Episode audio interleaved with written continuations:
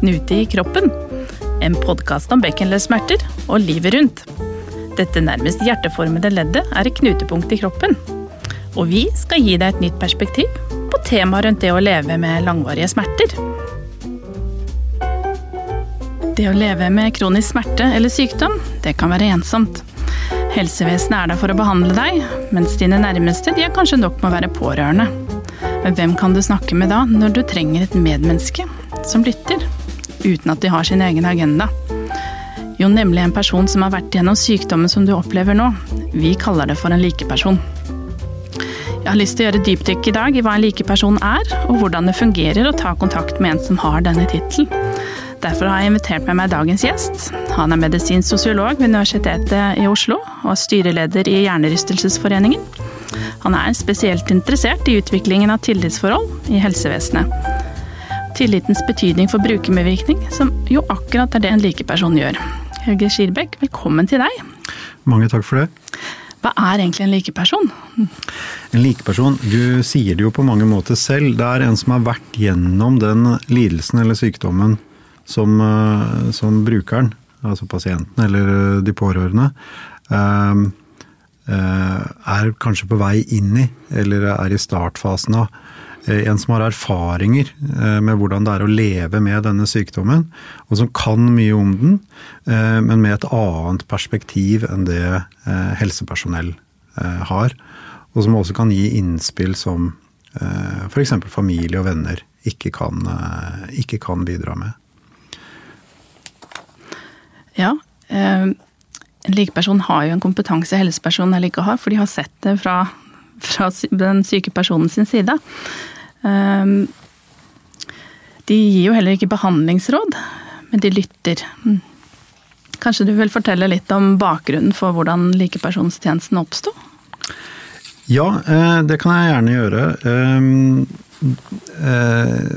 Det normale er jo liksom at man starter sånn på 70-, 80-, 90-tallet, for det er jo da de fleste pasientforeninger eh, oppstår. Eh, og da gjerne for eh, langvarige eh, lidelser. Men selve tanken, dette her om at, at pasienter med en sykdom kan ha, ha erfaringer og forståelser som, som andre profesjonsmedlemmer, leger og sykepleiere, ikke har, det går mye lenger tilbake. Eh, jeg har sett på uh, to av de største sykehusene i Europa, Bedlam i London og Bicetre i Paris.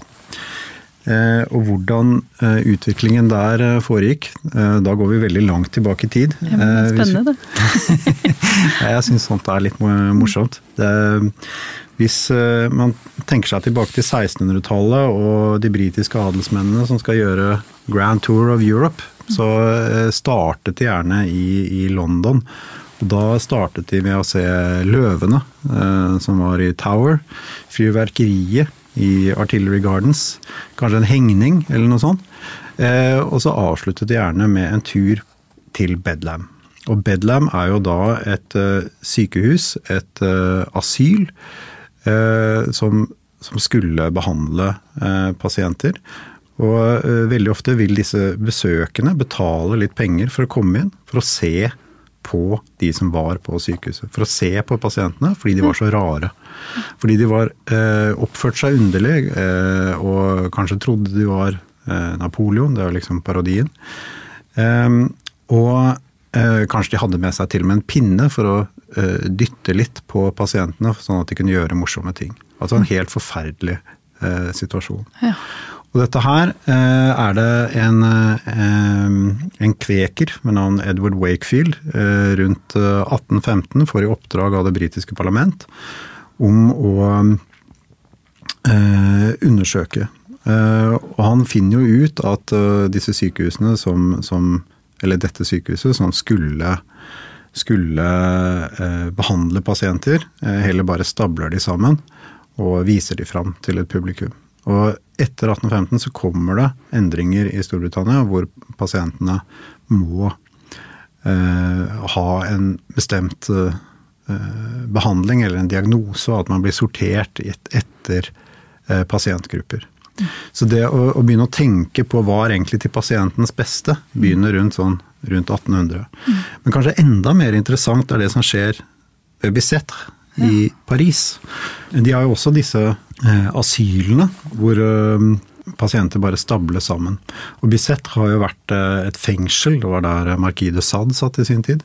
Det har vært et barnehjem og det har vært et sykehus, gjerne litt sånn blandet eh, om hverandre. Men de fikk en ny eh, leder, Jean-Baptiste Poussin, i 1793. Og han var tidligere pasient. Ja. Han hadde vært pasient på Bicetre selv. Og han skrev, da han ble eh, leder for sykehuset, så skrev han et brev til sjefslegen, Philip Pinell. Og da ba han Eh, Pinell om å finne eh, ansatte blant tidligere pasienter. Eh, og det var fordi at Poussin hadde erfaring fra sin egen tid på sykehuset med at de tidligere pasientene var ikke så rett og slett slemme med de andre pasientene som det personer helt utenfra kanskje kunne være som ikke hadde forståelse for hvordan det var å være pasient, og bare så raringer. Mm. Han skrev også at, eh, at, til Pinel at um, tidligere pasienter gjerne var uh, do onet et humain, som han skrev. Altså forsiktige, ærlige og menneskelige. Og i hvert fall ikke så ondsinnede som en del andre kunne være. Så denne tanken om at tidligere pasienter har noe å bidra med i helsevesenet, den er gammel. Selv om pasientforeningene er en relativt ny ting. Og pasientrettigheter eh, en enda nyere ting, som ikke kommer før utpå eh, eh, ja, egentlig årtusenskiftet at det kommer for fullt i Norge med en ny pasientrettighetslov. Vi har jo hatt pasientrettighetslov før det, men en voldsom utvidelse av rettighetene. Ja. Mm. Spennende perspektiv, for mange tror jo også at dette med likepersonsarbeid ble veldig viktig i forbindelse med helsereformen, men så det, har det en så lang historie tilbake. Mm. Mm. Det er jo også eh, Senere på 1800-tallet så skjer det jo også andre ting. Eh, eh, Oliver Wendell Holmes, en berømt eh, amerikansk lege og professor på Harvard, eh, han skrev eh, i 1871 at pasienter eh, har ikke mer rett på informasjon om sin egen tilstand enn de har på eh, medisinen som, som, legen har med seg i saltasken. Mm. Fordi eh, pasienten skal få den informasjonen som er til beste for pasienten. Og det er det legen som eh, må bestemme.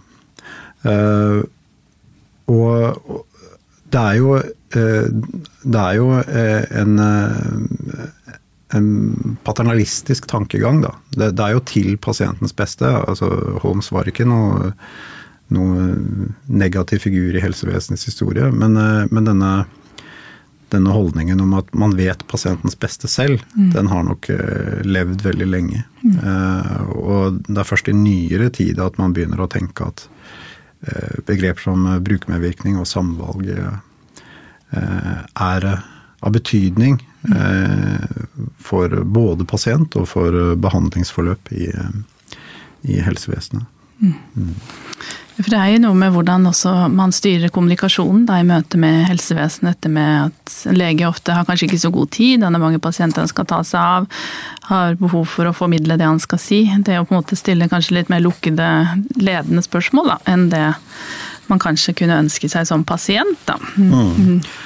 Uh, ja, uh, det stemmer. Uh, sosiologer bruker gjerne begrepet avmakt om når man er underlagt andres makt. Og som pasient så vil du Du risikerer i hvert fall å ikke ha helt kontroll over din egen Eller forstå hva som skjer.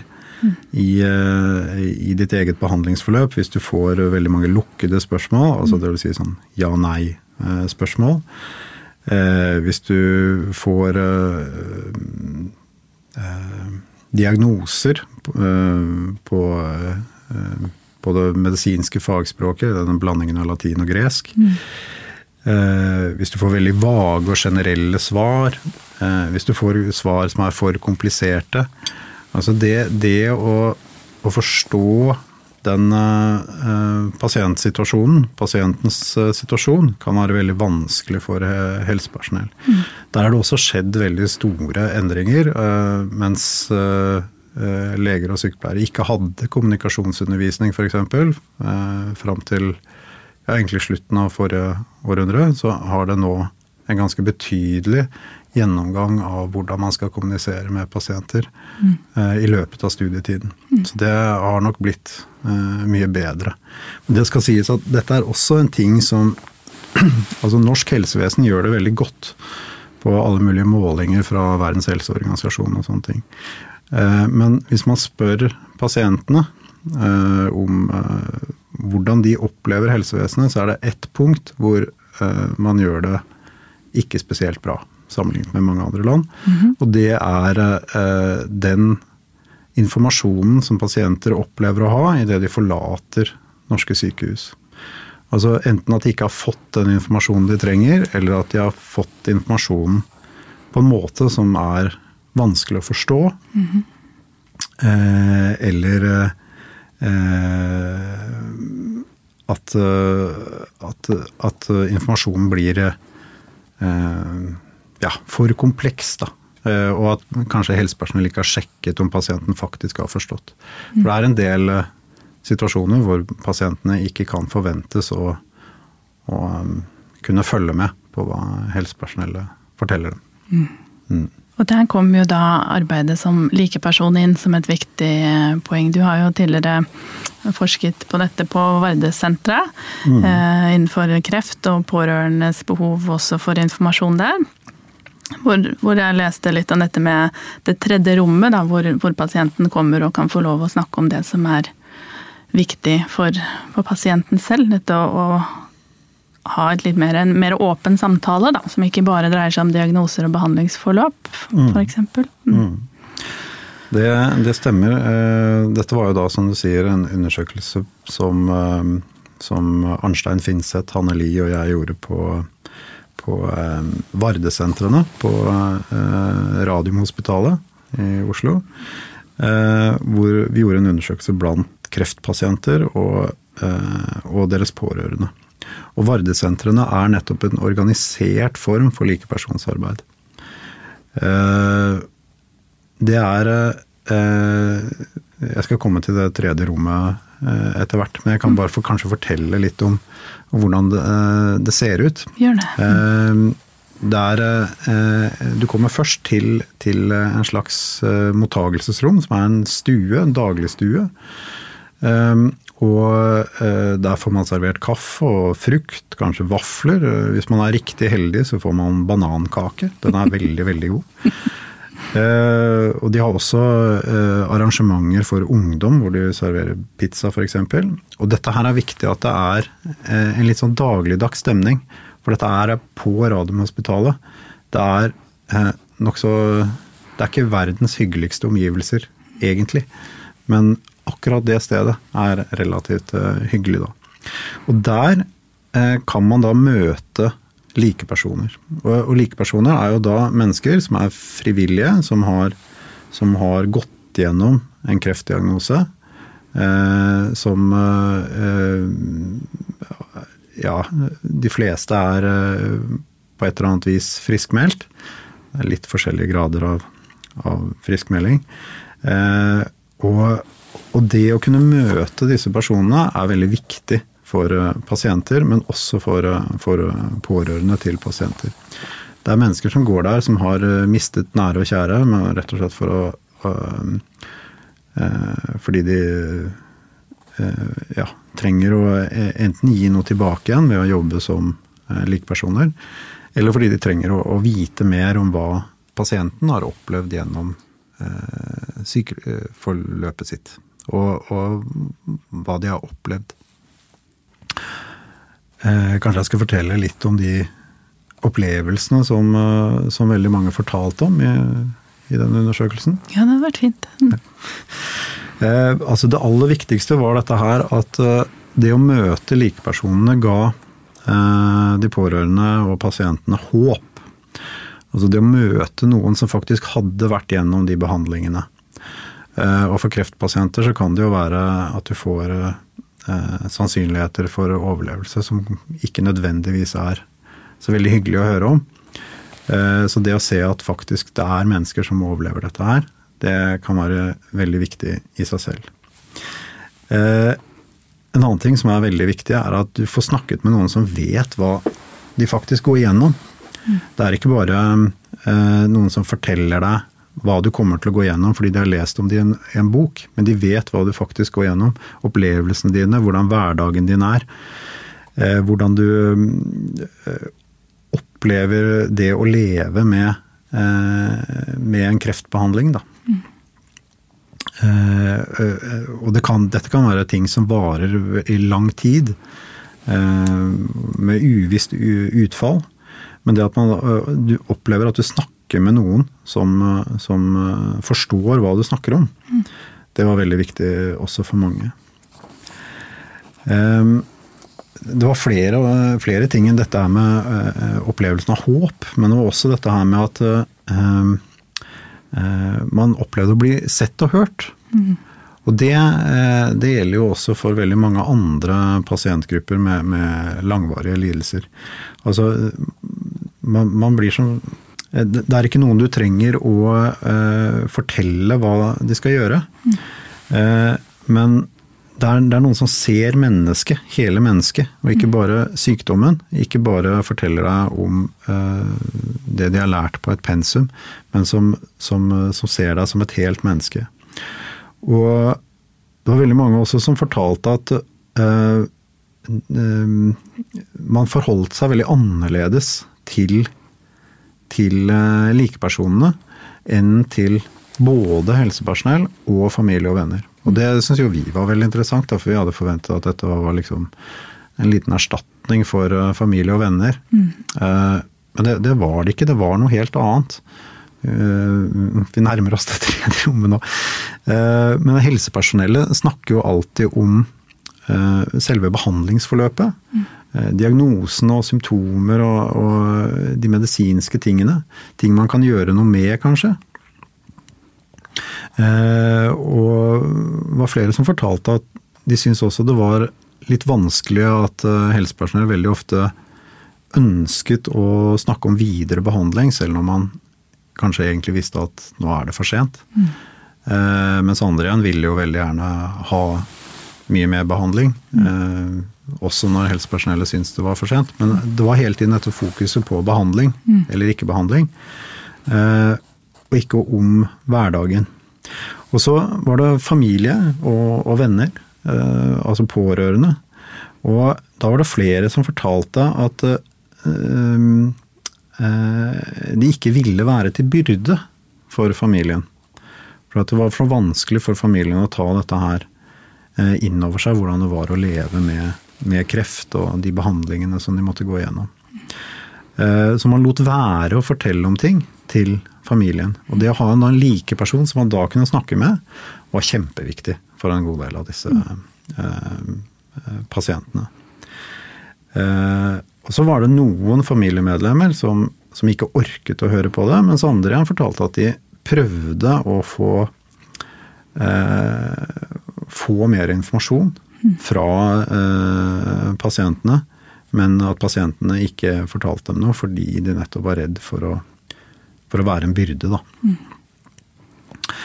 Eh, videre så er det flere av likepersonene selv som fortalte at dette var veldig meningsgivende for dem. For det, uh, for det første så hadde jo de aller fleste av dem hadde jo mistet en yrkeskarriere. Mm. Hadde måttet gå ut av yrkeslivet. Noen hadde kommet tilbake igjen, men ikke alle.